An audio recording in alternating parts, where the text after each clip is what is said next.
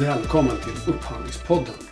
I det här avsnittet träffar vi Morgan Jansson som är verkställande chef och initiativtagare till Rättvist Byggande. När vi träffar honom är han inköpschef på Stockholmshem som är ett av de allmännyttiga bostadsbolagen i Stockholm. Rättvist Byggande består just då av fem företag. Sedan dess har Rättvist Byggande formerats i en förening i byggherrarnas regi med just nu 21 medlemsföretag per augusti 2022. Rättvist byggande är ett initiativ för att stävja arbetslivskriminalitet i byggbranschen för att få kontroll på underentreprenörskedjan och vilka som faktiskt arbetar i projekten. Morgan berättar om hur arbetssättet vuxit fram, om läget i byggbranschen, om attityder och samarbeten och hur rättvist byggande-modellen fungerar och hur organiserad brottslighet påverkar säkerhet och arbetsmiljö på våra byggarbetsplatser. Hör om rättsprocesser med stora byggföretag, vad Sveriges banker gör, om Byggmarknadskommissionens betydelse och vad du själv kan bidra med. I slutet får vi höra om en enkel sak som kan mota de flesta brott på ett bygge. Nu kör vi! Hej och välkommen till Upphandlingspodden. Jag heter Jessica Molén och Jag heter Magnus Colling. eh, vi träffar idag Morgan Jansson och ska prata om rättvist byggande. Välkommen Morgan, vad kul att du är här. Hej, tack så mycket för att jag fick komma.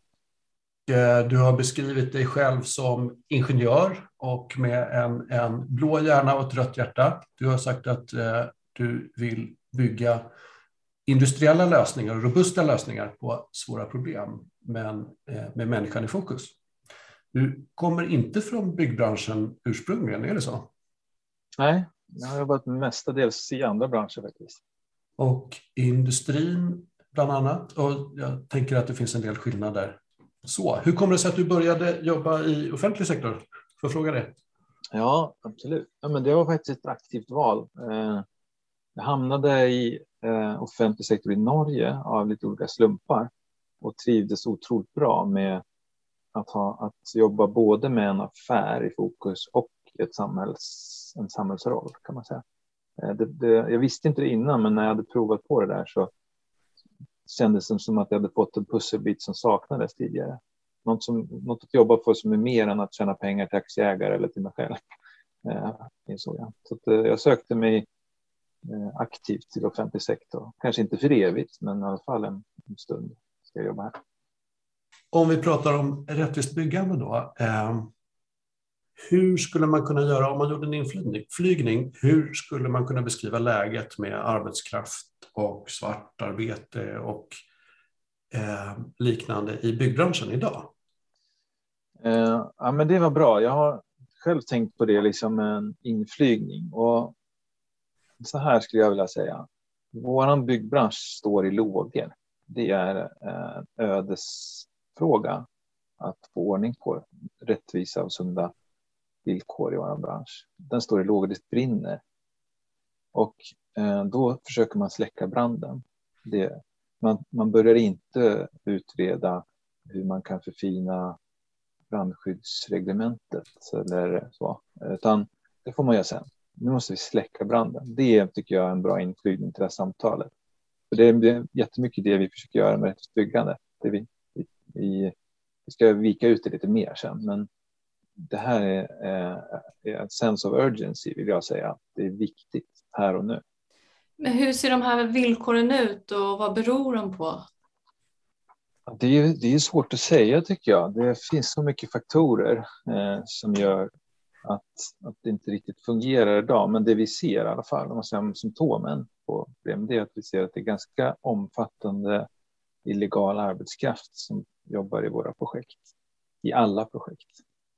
Eh, man kan inte tro att det är någon, någon som är bättre eller sämre, utan alla byggprojekt. Förvisso kan det finnas liksom grader, då, men alla är drabbade. Eh, och med illegal arbetskraft, om man inte är här legalt, då betalar man ju inte skatt. Alltså det är svart arbetskraft. Vi vet också eh, genom våra samarbeten med tillsynsmyndigheter att det här oftast är välorganiserat och internationellt. Det är ingen slump eller något infall någon får att någon snickare liksom hamnar ett par timmar svart på kvällen. Det här är väldigt organiserat, vilket gör det också väldigt svårt att upptäcka. Det syns inte för den gemene upphandlaren eller projektchefen. När säger man att det är svart arbetskraft? Då? För jag tänker att man kan ju köpa eh, entreprenörer från andra länder och fakturera dem och kanske ha en ganska låg timpeng. Och så. När blir det illegalt? Ja, det, det, är två begrepp där. Svart arbetskraft är ju när man som inte betalar skatt. Det är svart. Eh, som när du köper eh, eh, något hemma till ditt hus och så får du inget kvitto på det. Då kan du nog fundera på om det kanske är svart. Eh, men eh, det här med illegal, när man säger illegal arbetskraft, då har man inte arbetstillstånd i Sverige. Man kanske inte ens får vistas i Sverige och det är eh, fängelsestraff att, att eh, bidra till det. Eh, som högsta straffet på straffskalan ett år fängelse. Men det är också sanktionsavgifter, så det är en annan typ av olaglighet. Eh, sen så är det, om man ser dem som, som två tydliga brott så det, finns det brott kring det där. Att när man jobbar på det sättet så har man ju oftast problem med arbetsmiljön och man har problem med kunskap och skydd och eh, det blir följdproblem i form av kvalitet i det man bygger ofta. Eh, sen ligger det oftast också att byggverksamheten kanske är en gren av flera andra brottsliga verksamheter. Det går att tvätta pengar inom bygg och då har man penning för ett brott. Det finns ganska många eh, olika, och det kallas fusk ibland i branschen. Det fuskas, men det är fel ord tycker jag. Det, det låter inte så allvarligt. Lite fusk. Det här är kriminalitet, organiserad arbetslivskriminalitet i stor skala. Jättestor skala. Vad är rättvist byggande och hur startade det och när startade det? Jag skulle vilja se rättvist byggande som liksom eh, ett antal kommunalt ägda fastighetsbolag som står med hinkar och försöker släcka den där branden som jag nämnde här inledningsvis. Eh, så att alltså är det inte så jäkla mycket rocket science, utan, men vi vill ju inte att det ska brinna. Om man går in med den ingången, liksom, att eh, det är inte perfekt, men vi kommer i alla fall ha en väldigt stark vilja. Vi har bestämt oss att vi vill göra någonting och då gör vi det som behövs. Och just nu behöver vi släcka branden genom att vara ute och synliga och göra vad vi kan, leta efter problemen, åtgärder när vi hittar dem. Eh, så det ska man kunna ringa in det med. Det är ju så mycket mer och detaljer kring det också, men det är liksom essensen av det. Eh, det startade 2017 med någon typ av insikt. Oftast brukar sånt här starta av att man har haft egna jätteallvarliga problem och så måste man göra en pudel eller någonting och vända. Men så var det inte för oss riktigt. Vi insåg problemen innan de eh, blev alltför eh, liksom, stora hos oss själva. Vi insåg att det här problemet finns i hela branschen och i en stor del av branschen, alltså finns det hos oss. Och så började vi leta, började skaffa oss kunskap. Så 2017 så, så började vi skapa kontakter med myndigheterna för att förstå vad sjutton pågår hur, vad kan vi göra? Vilken hjälp kan vi få? Vad var det ni började att bryta i? Eh, rent konkret så var det faktiskt en, en som katalysator där vi letade eh, ny konkurrens. Alltså, jag tycker inte att konkurrensen på de stora entreprenaderna är eh, så jätteväl fungerande i Sverige. Det finns ett antal stora eh, byggentreprenörer som vinner de stora byggena. Så egentligen så var, fanns det ett intresse från oss att påverka det lite grann, att öppna upp för ny konkurrens. Och i den vevan så besökte vi en utländsk entreprenörs bygge. Och det såg väldigt bra ut. Det var inte i Stockholms kommun, det var utanför, det var i Huddinge då, om jag minns rätt. Men allt såg bra ut, det var ett börsnoterat bolag, inte i Sverige då. Men, Eh, och, eh, och sen så visade det sig av en slump att det bygget eh, var med på tv i nyheterna. Det var en stor myndighetsrazzia där. Jag tror att det var, om jag minns rätt, nio stycken personer som frihetsberövades direkt, som inte ens fick vistas i Sverige. Folk flydde som, som liksom att man kastade en sten i en myrstack. Så upplevde myndigheterna det här. Så folk flydde och kastade sig över staket och då var de väldigt många kontrollanter. Så det var tydligen kaos där. Och då, då då insåg vi, vänta här nu, om inte vi kan se det här med våra ögon, vi har besökt den här platsen, vi har tittat på bolaget på skrivbordet, ingen, inga tecken på det där med våra ögon, då har vi liksom problem. Hur sjutton ska en upphandlare kunna gissa sig till att det är det där som kommer pågå när jag antar en leverantörsanbud? Och då börjar det rent konkret med att det här kommer i media. Så jag Jag ringde växeln på Arbetsmiljöverket och frågade efter en person som stod i den där artikeln, Mikael Roos Kan jag få prata med Mikael Roos? Så, och på den vägen är det. Säga. Nej, men det, för han, han då, till slut fick jag tag i han eh, och han sa att ja, men, eh, Morgan, det där är inget nytt.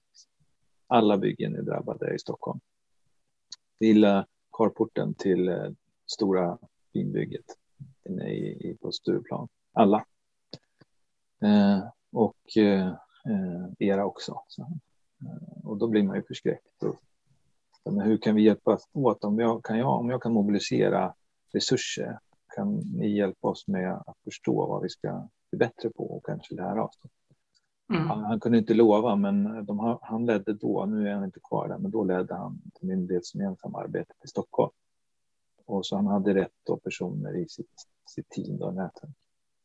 Eh, och efter en, en, då, om man spolar fram tiden några månader där så pågick det diskussioner och till slut beslöt sig Ekobrottsmyndigheten, eh, Arbetsmiljöverket, Skatteverket, Gränspolisen för att hjälpa oss. Eh, då. Eh, och då bildade vi, vi satte en vision och ett mål. Eh, att våra byggen ska vara fria från fusk på det här sättet. Vi ska vara den ledande eh, modellen i branschen. Så det satt, allt det där sattes från början 2017. Men vi behövde deras hjälp, så de tog fram utbildningar till oss. Alla upphandlare utbildades, alla projektledare utbildades. Vi började i Stockholmshem. 2018 gjorde vi vår första arbetsplatskontroll som är en del av det här konceptet som vi utvecklade. Eh, men sen 2019 avslöt så eh, tre andra bolag. Eh, Svenska Bostäder, Familjebostäder och Skolfastigheter i Stockholm. Och sen ytterligare ett år senare så anslöt Mikasa också. Och det är den nuvarande konstellationen som jobbar med rättighetsbyggande. Hur ser den här modellen ut? Du pratar om den, modell, den ledande modellen i branschen. Hur ser den ut? Ja, den är väl mest, det, det som skiljer den från andra är att den, eh, vi, vi, man brukar ju säga talesätt som heter gå från ord till handling.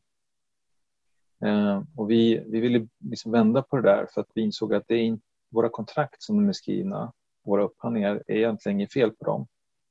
Man kan finslipa dem, men, men de krävde egentligen det vi behövde. Men de följdes inte.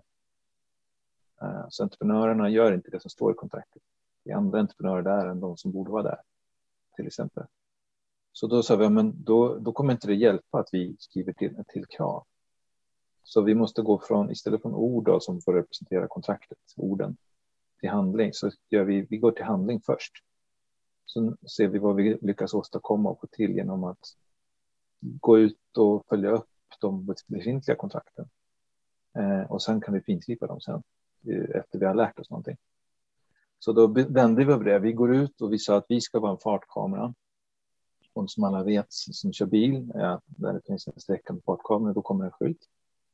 Eh, här finns det fartkamera och då saktar man ner om man råkat köra lite fort så att man inte blir plåtad. Och det så ville vi också. Vi pratade jättemycket om vad vi ville göra. Det var vår fartkameraskylt som vi satte upp lite överallt. Jag har själv pratat jättemycket i olika sammanhang.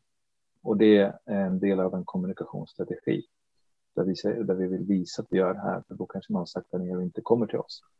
Det är ju huvudmålet. Vi, vi är ju inte en tillsynsmyndighet som ska liksom eh, ställa folk inför rätta. Vi vill inte ha problem, vi vill inte ha fuskare hos oss från början. De får gärna undvika oss. Eh, så, så, så det var också en del av det här konceptet att gå ut, synas, kommunicera.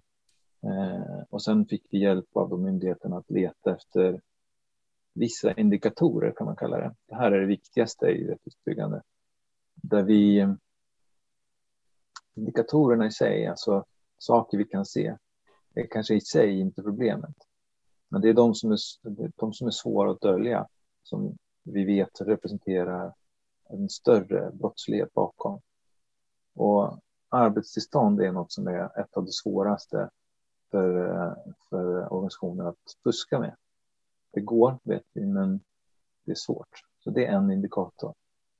För har man eh, illegal arbetskraft på sin, då är det brott. Och kring det finns det oftast mycket andra brott som vi kan leta efter. Så så hänger den här modellen ihop. Liksom. Och det är klart att du du ser i ett anbud att någon kommer jobba illegalt. Så det ser man ute på plats när man träffar människor. Därför är vi då ute på arbetsplatserna oannonserat så att man inte ska kunna visa en, en falsk bild för oss. Så arbetsplatskontrollerna eh, är det kanske det folk förknippar med rättighetsbyggande, men det är en liten del av konceptet, men en jätteviktig del. För vi gör saker på kontoret som vi måste verifiera med verkligheten. Det är väldigt få som gör. Man tror att en skrivbordskontroll är sanningen. Men har du kontrollerat ett företag och det ser grönt ut så är det ett annat företag där du jobbar. Det hjälper inte. Så ut och kolla om det företaget som du granskar som faktiskt är där. Och det är inte bara det är inte särskilt lätt. Man kan ju ha lånat jackan från en firma. Så man måste, man måste ta reda på fakta här. Mm. Jag tänker att ni har ju eh, förmodligen då hittat en massa sådana här eh, problem där ute.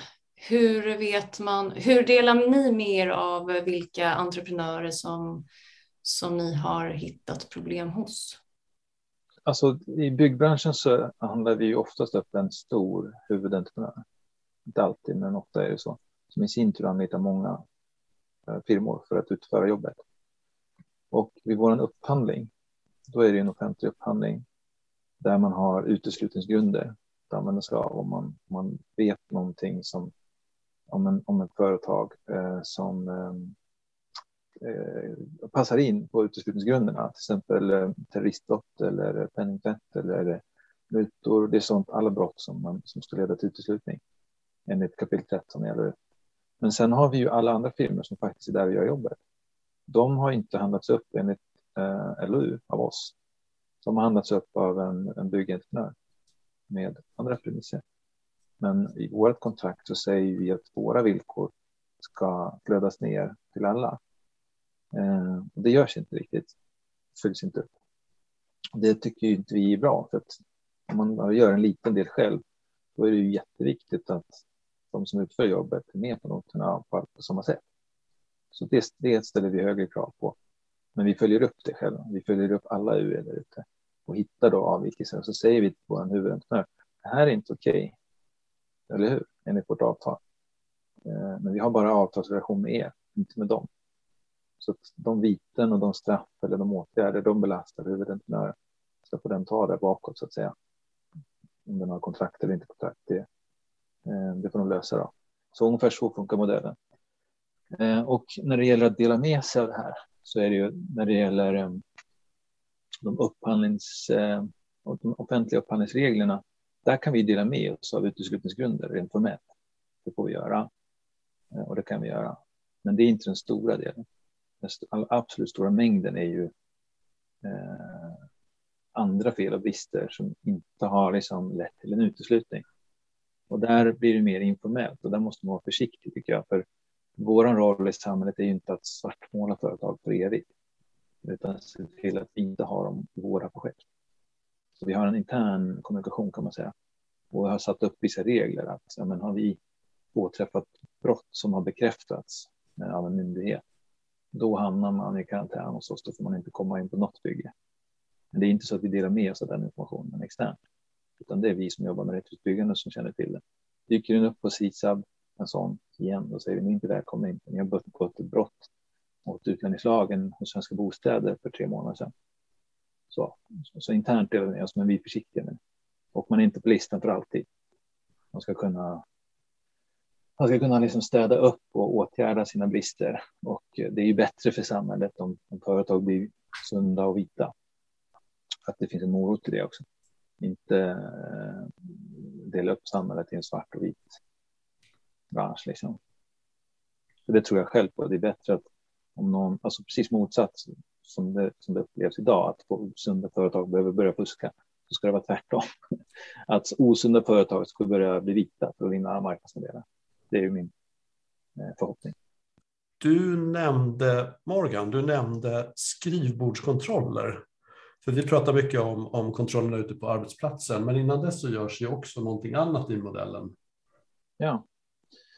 Eh, jo, så här, det är ju mycket, mycket, eh, det blir lite fragmentariskt, men jag tror att totalt sett så får vi nog en bild här när vi är klara. Men en, en viktig del i vår modell är att alla, alla företag som jobbar i våra projekt ska vara kända och kontrollerade av oss. Vi börjar där.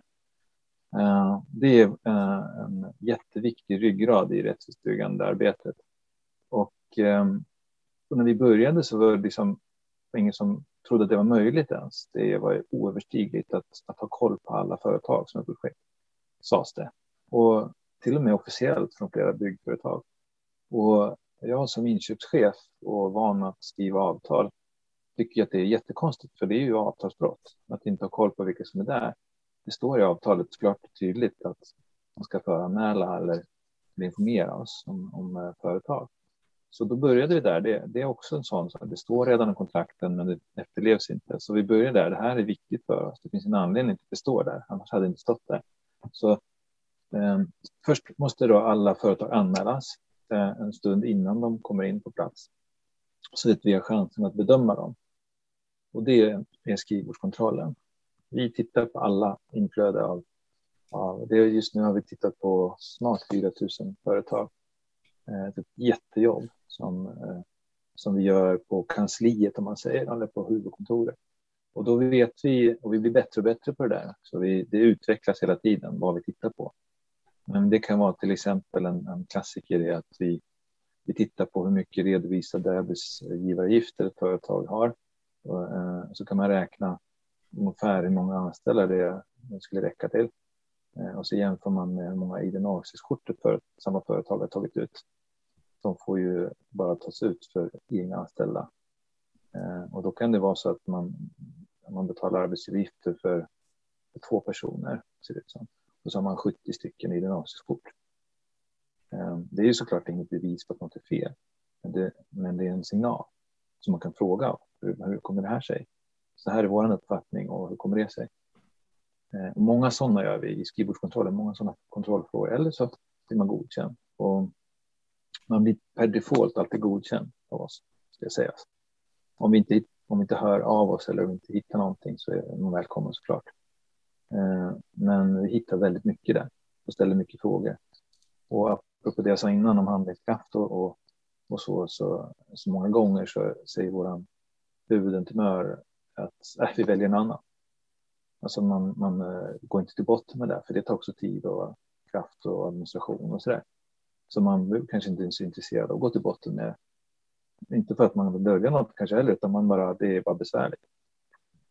Och så kommer någon annan som passar in på det här. Och på det sättet så funkar liksom vår fartkamera-analogi också. Att där finns ett filter som är viktigt för oss. Vi vet inte alltid varför folk inte vill gå till botten med det, men de företagen kommer i alla fall inte vidare hos oss. Så det är en skrivbordskontroll vi gör. Vi tittar också på företrädarna då. Vi tittar på ekonomin också när vi ändå håller på. Det har inte med rättvist byggande att göra, men det kan vara eh, bra att veta om ett företag har hamnat i rekonstruktion eller någonting, eh, ekonomiska bekymmer. För det, det, det för på andra följdproblem, men det har inte med egentligen med rättvist byggande att göra, utan mer som inköpsfunktion. Eh, passa ut på det här. Eh, titta på utstationeringsregistret. Om man har eh, personer från tredje land så ska man eh, registrera det på ett visst sätt. Eh, då kan vi kolla. Vi kan titta om man har kollektivavtal. Eh, vi tittar förstås om man har haft tidigare problem hos oss. Eh, vi har insyn i alla projektens träd av, eh, av entreprenörer. Vad gör vi mer? Ja, men vi gör rätt mycket. Så det är lite detektivarbete som vi har försökt industrialisera i olika effektiva steg. Är det några varningssignaler, då går det vidare till någon som har lite djupare förståelse för, för vad man ska leta efter. Vi har ju tillgång till rätt så bra system och rättsdatabaser och så där som man kan använda sig av. Jag måste fråga, hur, hur mycket entreprenader handlar ni upp ungefär per år och hur ofta i de här upphandlingarna behöver ni utesluta entreprenörer? Utesluta en upphandling är väldigt ovanligt. Och det är också väldigt ingripande enligt eh, upphandlingslagstiftningen. Så ur det, om man säger uteslutning enligt kapitel 13 LU gör vi väldigt, väldigt sällan. Eh, däremot så eh, finns det de här två andra varianterna. Det första att vi ställer frågor som vi aldrig får svar på om vi byter företag, om man ska kalla det för någon typ av eh, filter, uteslutning eller scanning. Liksom. Det händer ofta hela tiden. Eh, vi har ingen statistik på det, för vi ställer en fråga så kommer det företaget tas bort och så kommer en annan fråga. Så vi följer inte upp riktigt den, men det är rätt så mycket. Sen har vi ju eh, en annan variant där vi då eh, hittar i vår arbetsplatskontroll ett brott till exempel som vi får verifierat. Och så ser vi att det här företaget finns i, i fyra projekt hos oss. Det var i ett hos en byggherre som vi hittade det. Då meddelar vi de andra att det här har hänt. Det företaget har um, ja, begått brott på en plats. Då är det ju inte lämpligt att de är hos er heller. Och sen då tar man den dialogen med den huvudentreprenören och då tycker den oftast nej, det tycker inte vi heller. Vi känner inte till det här. Vi tycker inte heller att de är lämpliga att arbeta och då gör de en uteslutning om de kan. Eh, de har ju kontrakt och så där, så det är inte bara bara att göra de här sakerna. Men vi har en tydlig ståndpunkt, tydlig vilja och vad vi förväntar oss av. Vi förväntar oss inte att våra huvudentreprenörer vill arbeta med brottsliga företag såklart. Och det gör ju inte de heller. Det är liksom ingen som säger det. Men eh, det, det, viktigaste är liksom när vi gör skrivbordskontrollen så är det bara ett steg. Det vill jag passa på att säga igen. För eh, man ska veta det att trots att vi har jobbat så eh, målmedvetet med att ha kontroll på UV-kedjan så är det nästan hälften av liksom alla företag på byråplatsen som är oanmälda även hos oss. Så när vi går ut och tittar, alla den här, när vi har gjort det här stora jobbet med skrivbordskontroller och har en lista av företag som ska få vara på plats. Och så kommer vi ut på plats och så är det 40 procent eh, fler företag. Helt random andra företag än de som är på listan. Det är det som gör att det är så himla viktigt att vara ute i verkligheten. För det blir en chimär av ordning och reda och kontroll på huvudkontoret, om man säger. Och glömmer man att verkligheten är en annan så det är så, så tror jag Skatteverket också gör. När de går ut och tittar, jag är inte säker på, på det här nu, så då får Skatteverket ringa och säga att jag har fel. Men man går ut och tittar på personalliggaren och de företag och individer som är på den kan man checka. Men om det är andra där, alltså man stämmer inte av om liggaren är ett till ett med de personer och företag som faktiskt är på plats. Det räcker med ett hål i grinden och att insläppt så kan man vara inne och jobba och det ser vi väldigt mycket av. Mm, så, så verklighetsförankringen i det här är, är, kan man inte liksom påpeka för ofta att man måste ha. Vad blir reaktionen när ni kommer ut så där? de första par åren så blir det väldigt stökigt faktiskt. um, men på något vis, det som all förändring är ju mycket friktion i all förändring. Uh, så vi fick, har fått mycket motstånd i början. Att det är mycket administration, det här ligger inte, då ligger inte oss att hålla på med det här, vi ska ha extra betalt eller vi, det blir ett ätarbete. Eller man öppnar inte upp för det här och det finns väldigt goda grunder i våra avtal, i standardavtalen för det här. Så det är väldigt tydligt vad som, vad som ingått i avtal. Så vi, vi brukar inte ha något problem med att få igenom det. Ehm, och nu är det inte alls så. Alltså efter ett par år så, så ser vi nästan tvärtom att vi samverkar med våra stora byggföretag och vi vill samma sak. Ehm, och de förstår eh, vad det innebär nu också på ett sätt. Det innebär inte att vi alltså, när vi har kommit ut på en arbetsplats och då blir den produktionschefen där på plats eh, känner sig misstänkliggjord. Vi kommer in med dunder och brak på ett sätt oannonserat och, och, säger att något kanske är fel här. Eh, det är klart att den, de känner sig misstänkliggjorda om de, inte tyck, om de tycker att de har gjort allt rätt och så.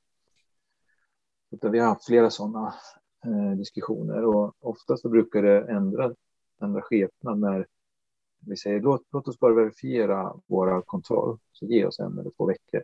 Det tar tyvärr lite tid att få vissa verifikat från Migrationsverket speciellt. Um, när vi får det och sätter oss till bords tillsammans, då, då säger oftast ni kan inte komma in springande liksom med folk här och inte ta hänsyn till våra säkerhetsrutiner. Och det har de all rätt i. Eh, men eh, å andra sidan när vi visar vad vi har hittat så blir diskussionen en helt annan. Då säger va, hade vi 40 procent oanmälda UE? Jag, jag har koll på alla företag. Då ser jag på listan. Så tittar vi på listan. Men vad är det där för företag? Då vill de springa ut på bygget och va, vad, vad händer här? Man får liksom samma reaktion som vi själv hade från början. Eh, och också när, när de företagen visar sig ha kanske illegal arbetskraft. Då är det ett brott som även beställaren kan bli dömd för. Det blir ännu värre. Så då sitter vi helt plötsligt på samma sida bordet och tittar på samma problem. Ja, men vad beror det på då? Att man ute på bygget inte har koll på vilka UN man har? Är det att det blir UN i flera led då, eller vad, vad beror det på att man inte vet? När man ändå tycker att man har koll. Ja, den som det visste. Den så när vi började jobba med det här så eh, upplevde jag att några säger att de har kontroll och andra säger att kontrollen tappade vi flera år sedan. Alltså att det springer så mycket olika företag och människor på ett bygge så man har inte koll på dem. Det går inte. Det, det är inte ens eh, ambitionen. Liksom. Eh, men sen hur det där funkar i praktiken, det är väl min, om man tittar på att anlita entreprenörer, det perspektivet, så kan det vara så att eh, en huvudentreprenör, ett stort byggbolag anlitar det och sen eh, anlitar den eh, en annan entreprenör och det är det man känner till. Men sen så kanske man inte känner till att de har, det är ett led till som anlitats. De hade inte tid så de tog in en annan. De kanske fick låna jackorna för att inte hålla på att styra till administrationen. Så det ser mm. ut som det är samma firma. Eller så är det som jag vet det är ännu vanligare i andra branscher att man, man har, eh, har en UV eh, som, som man vet är grön. Men sen har dens personal har, har lite mycket att göra. Så fan, jag ska egentligen vara på ett annat bygge också. Jag pratar med min kompis. Kan du ta, ta den här, eh, eh det här jobbet idag? Jag behöver vara där borta. Ja, hur löser man det smidigast? Alltså, men du kan låna mitt ID-kort, det är lugnt idag. Liksom. Jobbet blir gjort. Så det, och det är det som är förväntan. Liksom. Men det finns andra problem om den här är, där illegalt eller man vill inte betala skatt för den personen och så vidare. Så, så, så, så upptäcker vi sånt. Då. Så det är väldigt osynligt för många projektchefer och produktionschefer tror jag. Eh, men å andra sidan så tror jag eh, många som har jobbat inom bygg mycket mer än vad jag har, har en känsla när man går in på ett bygge. Känner, uppfattar att aha, de, de pratar aldrig med dem. De håller sig för sig själva. De kommer aldrig in den grinden, de går alltid den grinden. Det är liksom en vag känsla. Eh, och, och, den eh, ska man ta fasta på. Man kanske inte behöver gå till botten med det själv, man kan ta hjälp av till exempel oss. Den, den försöker vi eh, lyfta i vår organisation, att våra erfarna projektledare känner och upplever när något inte riktigt står rätt till. Då är det ofta så. Och det kan vi leda i bevis nu för tiden också. Som inte kunde förut, då hade man gett upp, så här är det. Men nu, nu känner vi inte att det är så, utan då, då hör man av sig och sen sätter maskineriet igång. Jag tyckte när vi började ställa frågor om att man faktiskt skulle eh, redovisa vilka företag, vilka underentreprenörer man tänkte använda i det specifika projektet, så möttes jag några gånger av eh, entreprenörer vi hade jobbat med länge, så möttes jag av svaret att det är inte ens möjligt. Vi vet inte vilka vi kommer att anlita och det kan man förstå i ett anbudsskede. Men om man väl ska sätta igång produktionen eller successivt när olika delar av produktionen rullar så borde det vara möjligt. Men du beskriver ett läge där det kanske finns en viss förståelse för att i alla fall redovisa vad man har tänkt att anlita idag. Det har blivit bättre, eller? Jag tyckte att det var så konstig invändning egentligen från byggföretagen, att man inte hade en uppfattning om vilka man skulle anlita. Mm. Nej, men, jo, men jag kan tycka att hos de som är bäst insyn ju Stockholmshem och där upplever jag nog att man, man, man redovisar en, en lista vid samband med kontraktssignering. Men sen förstår ju alla att det är inte de enda som kommer vara där. En del har vi inte klart. Beroende på hur man lägger upp ett byggprojekt så kan ju de kanske inte ha handlat upp det ännu det som är senare i processen. Eller något händer och så vidare. Det, det är ju helt okej, så fungerar bygg. Men, men de första, vet man oftast de första viktigaste som ska in och jobba i början. Och sen så är det okej att anmäla under tiden, självklart. Det är ju så ett bygge fungerar. Man måste föranmäla det och ge oss själva chansen att kolla vad det är för firma. Det här är inte vårt jobb egentligen som byggherre. Det här är entreprenörens jobb. Det är väldigt tydligt. Men eh, eftersom det är jätteviktigt för oss och det, vi upplever att inte det ansvaret tas fullt ut, då gör vi det. Men det är ju på något vis en, en, ehm, liten, en eh, liten lätt örfil att säga kolla det går visst det. Mm. Så får ni tillbaka det snart. Nej, men lite så är det faktiskt. För vi, vi, vi gör väldigt mycket jobb som vi redan har beställt och betalt för i det här hänseendet. Och det är ansträngande för oss.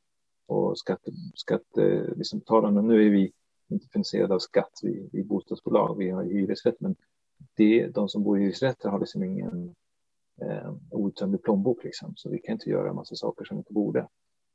Det, så det här är på ett sätt tillfälligt, men jobb, men vi ser liksom inget slut på det ännu. Men, men tanken är ju att vi inte ska behöva. Du nämner också personalliggare. Vad är det för någonting och vad är kraven där? Ja, de har sitt ursprung i, nu är inte jag skatteexpert, så, men de har sitt ursprung i, i skatteförfarandelagen. Eh, vad sa du för något? I? Skatteförfarandelagen. Alltså Skatteverket har bestämt att vissa branscher behöver vi ha eh, ett verktyg för att följa upp om man, eh, om man eh, har vit personal, om man säger, så att inte, inte ha människor som arbetar svart. Och det, det är en sorts, det är en liggare, en sorts, ehm, man för in vilka personer som är på en arbetsplats och jobbar. Det är inte bara bygg som har det kravet. Eh, men det är ju eh, kanske mest känt och störst eh, omfattning inom bygg. Så då stämplar man in, kan man säga. Och sen är jag här och jobbar som medarbetare och sen stämplar man ut. Så loggas det hur mycket tid man är där. Och den har Skatteverket insyn i och den har huvudentreprenören oftast ansvar för. Vi har inte eh, som byggare laglig rätt att titta in i det. Vi frågar ofta och de får vi, eh, ibland inte. Vi har ingen rätt att, att liksom begära ut den av ett olika skäl. Det är, det är i första hand Skatteverkets eh, verktyg. Och eh, det är också ett bra verktyg för huvudentreprenören. Att följa upp. Och sen nämnde du också ID 06. Vi kanske ska berätta vad det är för någonting. Mm. När det kom till från första början, nu ska jag inte svära på det, men gissningsvis 2006, då, eh, då var ju det tanken att det ska vara ett stöd för att eh, få koll på vem som är på en byggares plats, både företag och individ.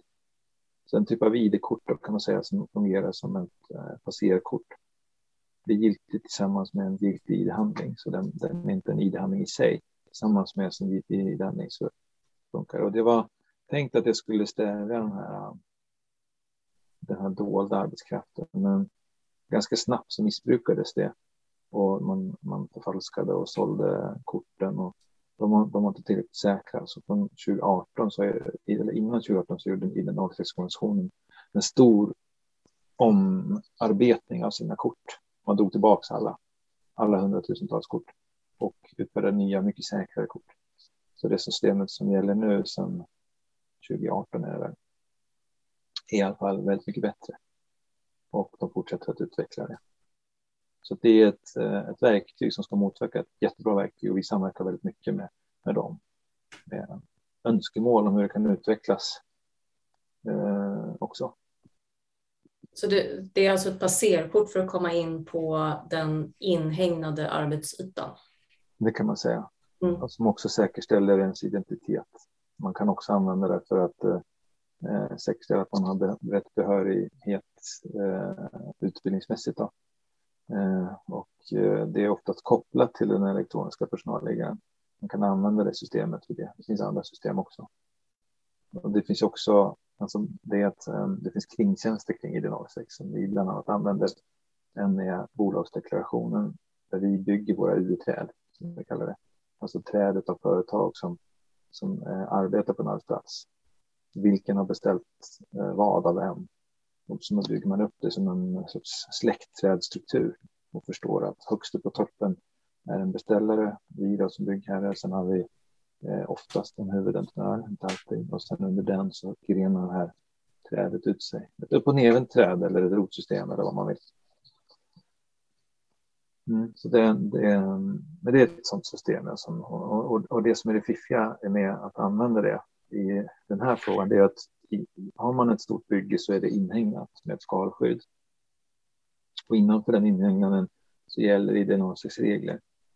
Eh, man får inte vara där inne utan att ha ett ID06 och en giltig ID-handling. Så är kontrakten skrivna. Eh, och det i sig gör att när vi går ut och tittar på eh, ett bygge, då kan vi utifrån en kontraktsuppföljning begära att få se id 06 kortet med tillhörande ID-handling. Annars är det att begära ID-handling på någon, det är ju knappt polisen på att göra det. Bara med, med, liksom, med vissa, vissa skäl. Men vi får göra det, men de behöver inte visa det om de inte vill. Då får man inte heller vara på vår inhägnad. Såklart. För det är ett kontraktskrav innanför det området. Det i sig gör att vi får reda på nationaliteten på människor. Eh, och det i sin tur leder till att man kan, man kan behöva be att de ska visa ett arbetstillstånd. Eh, för är man inte EU-medborgare så får man ha det. Och eh, får man inte det så finns det då risk för illegal arbetskraft. Så det är liksom, allting hänger ihop i en logisk struktur. Inte helt lätt att hänga med alla gånger, förstår jag också. Men eh, det också utnyttjas ju friskt, eh, att det är lite komplicerat. Så det är inget skäl att låta bli. Jag tycker du beskriver det väldigt tydligt, men jag undrar ju vad, vad, när det händer ibland att man inte vill visa sin, eh, sin ID-handling? Ja, det är det. Då, ja. då får vi förklara att man inte får vara där. Då blir man avvisad. Ja, ja eh, det, behöv, det finns så många skäl till det där också. Det, det behöver inte vara att man själv är där illegalt. Det kan vara att man har, man har um, dåliga erfarenheter av uh, myndigheter. Man litar inte på det här. Har, eller att, att man är EU-medborgare men, men egentligen är det min polare som ska vara här och jobba, inte jag. Liksom. eller, eller då att man inte har någon ID-handling eller att man är definitivt här illegalt och är förbjuden att visa någonting som sin arbetsgivare. Det finns ju såklart många. Vi koncentrerar oss ju på att hitta det som inte ska vara där. Resten bryr oss inte om. Det är inte vår sak. Men det som vi har krävt i vårt kontrakt, det, det står vi fast vid i de lägena. Och är man, vill man inte visa, då kan vi förklara att eh, ja, men vi ska inte tvinga dig till något som vi inte får tvinga dig till. Men du kan inte heller vara här och utföra det kontrakt som är beställt. Jag förstår att det måste kräva en del resurser att organisera sig på det här viset för att det ska fungera. Hur har ni gjort mm. det? Ja, för jag, först ska jag sticka hål på myten om att det är så jädra svårt och, och krångligt och kräver mycket resurser.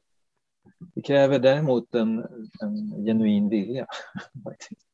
Men vi som driver det här för fem, fem stora eh, beställare eh, och tillsammans är vi Sveriges sjätte största eh, entreprenadinköpare i pengar mätt. Vi är väldigt få, eh, ska jag säga. Byggbolagen har mycket mer resurser än vad vi har lagt på det här.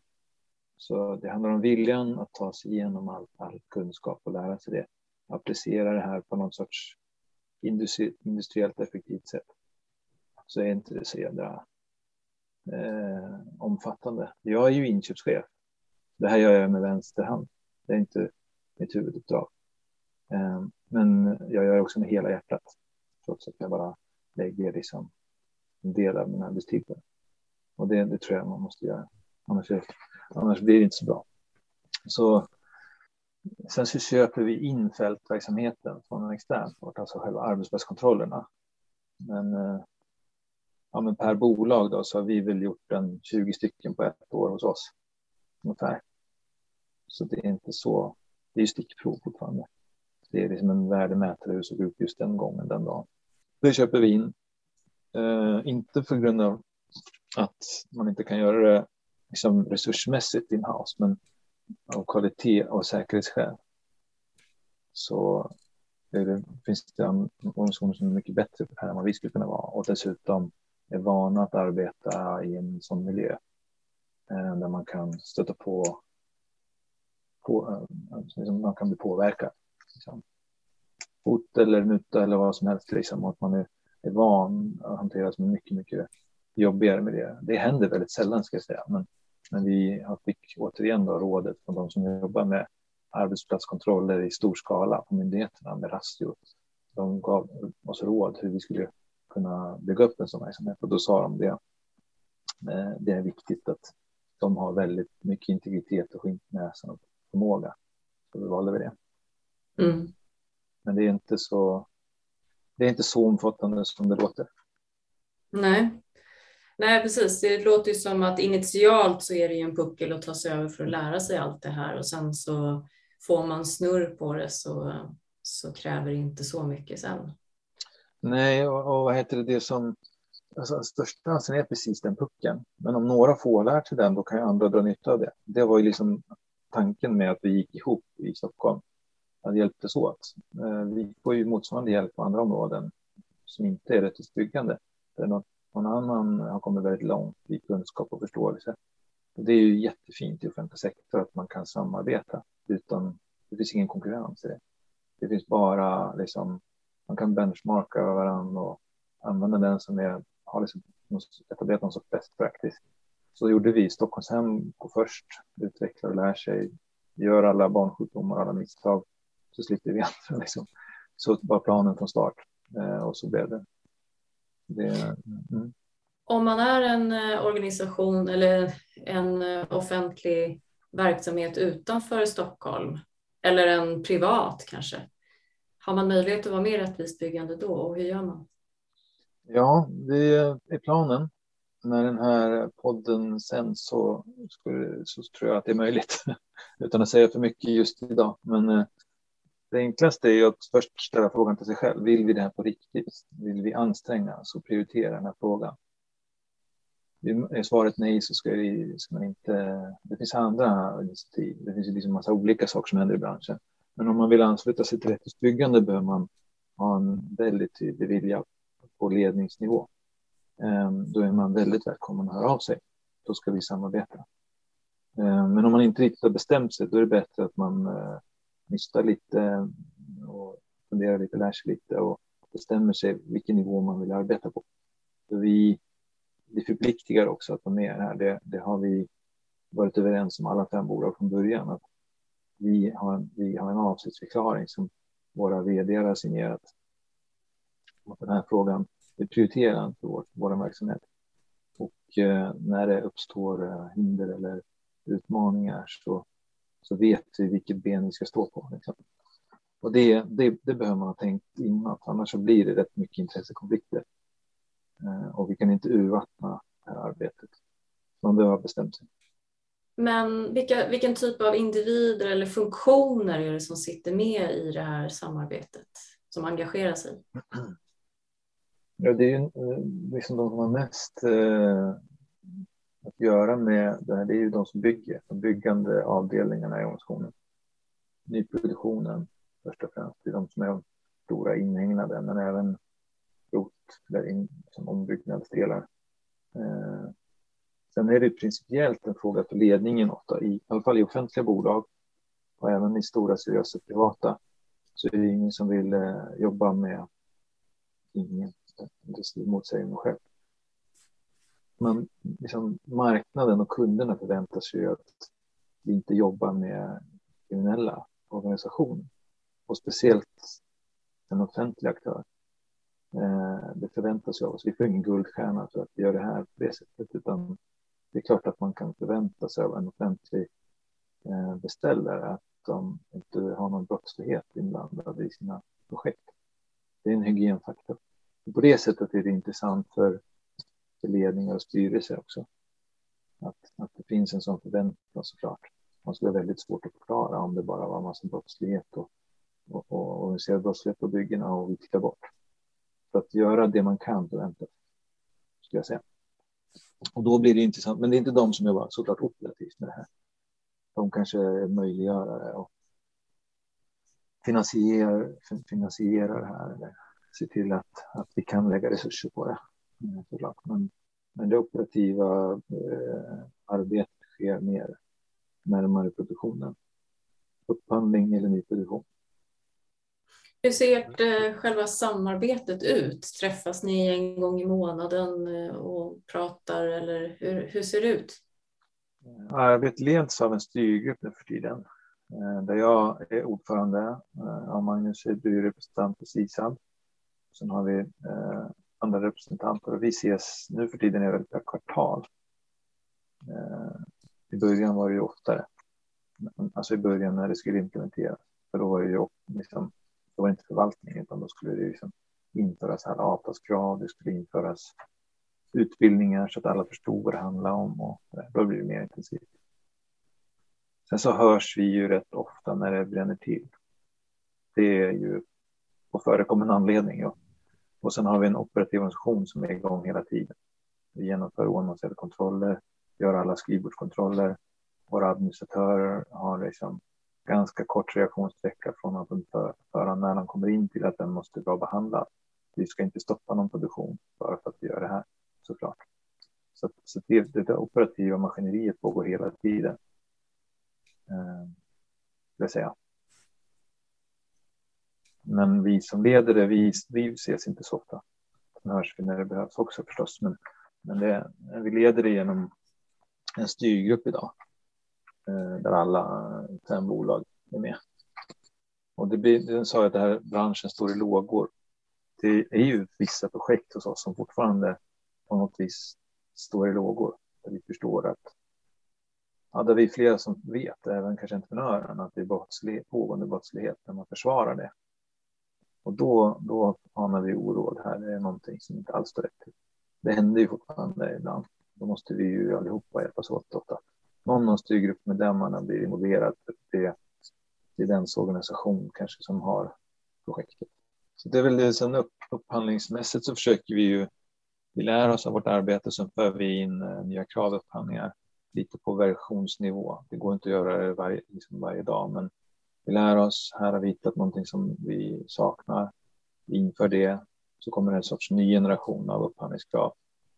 Ehm, och vi, vi, eh, vi itererar det, kan man säga. Och det är en utmaning på ett sätt att man, eh, de eh, projekt som pågår nu som upphandlades för länge sedan har andra avtalsvillkor och det är ju avtalsvillkoren som i vår värld är vårt bästa verktyg att åtgärda brister som vi hittar. Det, kost, det, kostar ju. Det kostar ju att göra fel de här, på de här punkterna som vi har valt ut. Det är ju våra, vad ska man säga, eh, entreprenadkontrakten har ju liksom skrivits om, även om jag sa att vi inte började med det. Vi gick från handling till ord. Så är vi ju liksom, har vi varit på ordfasen eh, liksom länge också. eftersom vi har hållit på några år. Och därför har vi skrivit om entreprenadkontrakten villkor kopplat till det här några gånger. Och den största skillnaden, den var okej okay som de var tycker jag, men det var, det var svårt att se konsekvensen av att bryta på just de här punkterna.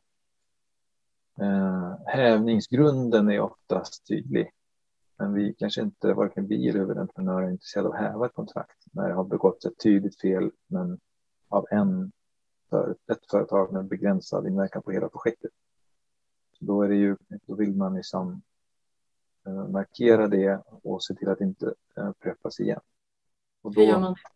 Ofta, alltså vi polisanmäler all brottslighet utan att fråga någon. Det är det första, för det ska inte vara en förhandlingsfråga om, om det finns brottslighet. Men utöver det så får man betala ett vite och den företaget är inte välkommen med. Eh, det framför vi till våra huvudentreprenörer som hanterar med sin UV. Då. är det så att de protesterar och, och, tycker att de här företagen ska vi visst jobba med, då blir det mycket annat. Alltså det blir en större diskussion som har med hela projektet att göra och lämplighet och så där. Men eh, det är sällan det händer.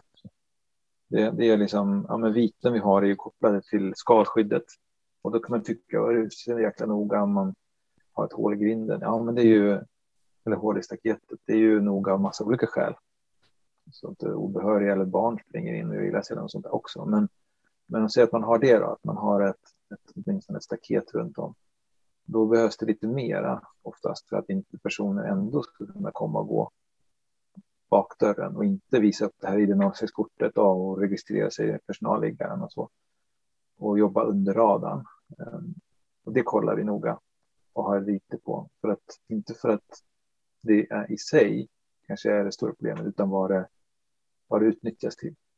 Och där har vi massa filmmaterial där vi ser att varje morgon kommer in tio pers genom ett, en sektion på baksidan av bygget varje morgon. Det finns en anledning till det. så, där, så därför har vi de här indikatorerna och det där med skalskyddet är en. ID06-systemet är en annan. Att man har tillstånd, eh, alltså arbetstillstånden, är en tredje. Att man betalar skatt. Där har vi till och med gått så långt att vi har vite, men vi också Eh, kan innehålla betalning motsvarande de nivåerna som man inte kan bevisa att man har betalat skatt för i Sverige eller i det land man ska betala skatt i. Eh, vi har också ett vite på om man eh, inte har föranmält företag. Så när vi hittar de här företagen som inte är anmälda. Så, och det har varit ett fokusområde 2021 för oss. Att vi, vi måste bli bättre på det. Det är fortfarande alldeles för låg nivå. Och därför införde vi det vitet. Sen ja, vi gillar inte någon av oss viten. Så det är egentligen inget bra verktyg för det, det boostar upp också andelspriser och så där. Men i det här fallet så har vi bestämt oss för att göra det för att på något vis pengarna talar ett bättre språk ibland. Eh, sen om nivån är rätt, det, det tror jag inte någon, det vet vi inte. Det är så svårt att sätta rätt, men vi har försökt hitta någon. Men när det gäller arbetstillstånden så har vi följt lagstiftningens sanktionsavgift och då tar vi samma i vite. Om det är rätt eller fel vet jag inte. Det som är lite knepigt i alla fall att de fall jag själv har följt som har fått sanktionsavgift av staten, de har betalat den och fortsatt jobba på samma sätt. Och på det sättet är det ju för låga viten eller sanktionsavgifter att man, man eh, det är liksom en, inom felmarginalen. Man tjänar ganska bra pengar på, på att göra de där felen så då kan man betala när man blir ertappad och kör vidare. Så det, är inte, det, det, det räcker inte hela vägen med vite. Jag tycker själv att om man, ska, om man har sån allvarlig brottslighet och, och det är systematiskt, då bör man få näringsförbud. Ja. Ja, var det från svar på frågan? Jag pratade vidare där. Ja, nej, men det tycker jag absolut. Eh, ja. Du förklarar det väldigt bra, så det är jätteintressant. Vi pratade lite om ansvaret och lite olika ansvarsfördelningen. Vad det gäller att anlita svart arbetskraft eller i värsta fall illegal arbetskraft. Och och ansvaret. Vad, kan man säga vad är, vad är egentligen byggherrens ansvar och vad är huvudentreprenörens ansvar i de olika delarna? Den är lite, mm, alltså arbetsmiljön är ju oftast svår att delegera, alltså arbetsmiljöansvaret. Så den, det ansvaret har ju byggherren ofta en del i oavsett hur man gör och skriver. Vi försöker ju allihopa delegera det eftersom har man inte kontroll och inflytande över en arbetsplats är det väldigt svårt att ta det ansvaret. Så arbetsmiljön, där har vi alltid ett ansvar, brukar man ju säga. Någon typ av ansvar. Exakt hur svårare. Men när det gäller att betala skatt för sina medarbetare, det är inte vårt ansvar som byggherre. Det är varje företagare som, som bedriver business här i Sverige som måste följa lagstiftningen för sin verksamhet. Eh, det är inte vårt ansvar. Sen så eh, skriver vi i våra kontrakt att eh, som en offentlig beställare är också vår skyldighet att försöka upprätthålla det allmänna systemet. Så där, då skriver vi att vi måste betala skatt. Så då helt plötsligt blir det kontraktsvillkor också. Och då, ja, då har vi lite ansvar ändå eh, på något vis eftersom vi har skrivit det. Så det är lite grann på vilka glasögon man har på sig där. Då. Men, men vi som allmänt företag då, som, som ägs av det allmänna har ju en roll att spela i alla fall. Så mycket kan man ju säga. Så vi borde bidra till det. Um, och uh, vi blir ju också alla lidande om, om, det, om liksom det är ingen som betalar skatt och då blir det svårt att bedriva samhällsfunktionerna. Så om man drar ut liksom punkten i tangentens riktning eller vad man säger så, så är det såklart vi som, som är drabbade och sen medborgarna sen också, men vi offentliga. Så det hänger ihop. Um, och illegal arbetskraft, där är det nästan ännu krångligare. För det finns en lag som heter utlänningslagen. kan man ju tycka att det låter konstigt, den namnet. Men så heter den i alla fall. Och i den så står det att om man anlitar en, en person som inte har tillstånd att jobba här, då är det ett brott. Oftast är det, leder det till, om man blir fälld för det så blir det sanktionsavgifter. Är det liksom grovt och systematiskt, då kan det ge max ett års fängelse. Eh, men den är också skriven så att eh, även du som beställer, som har beställt av en entreprenör som i sin tur då anlitade den illegalt, du drabbas också av en sanktionsavgift. Så det där ansvaret alltså går upp i kedjan. Det tar inte hänsyn till av byggbranschens eh, konstruktion med många led. Alla är ansvariga.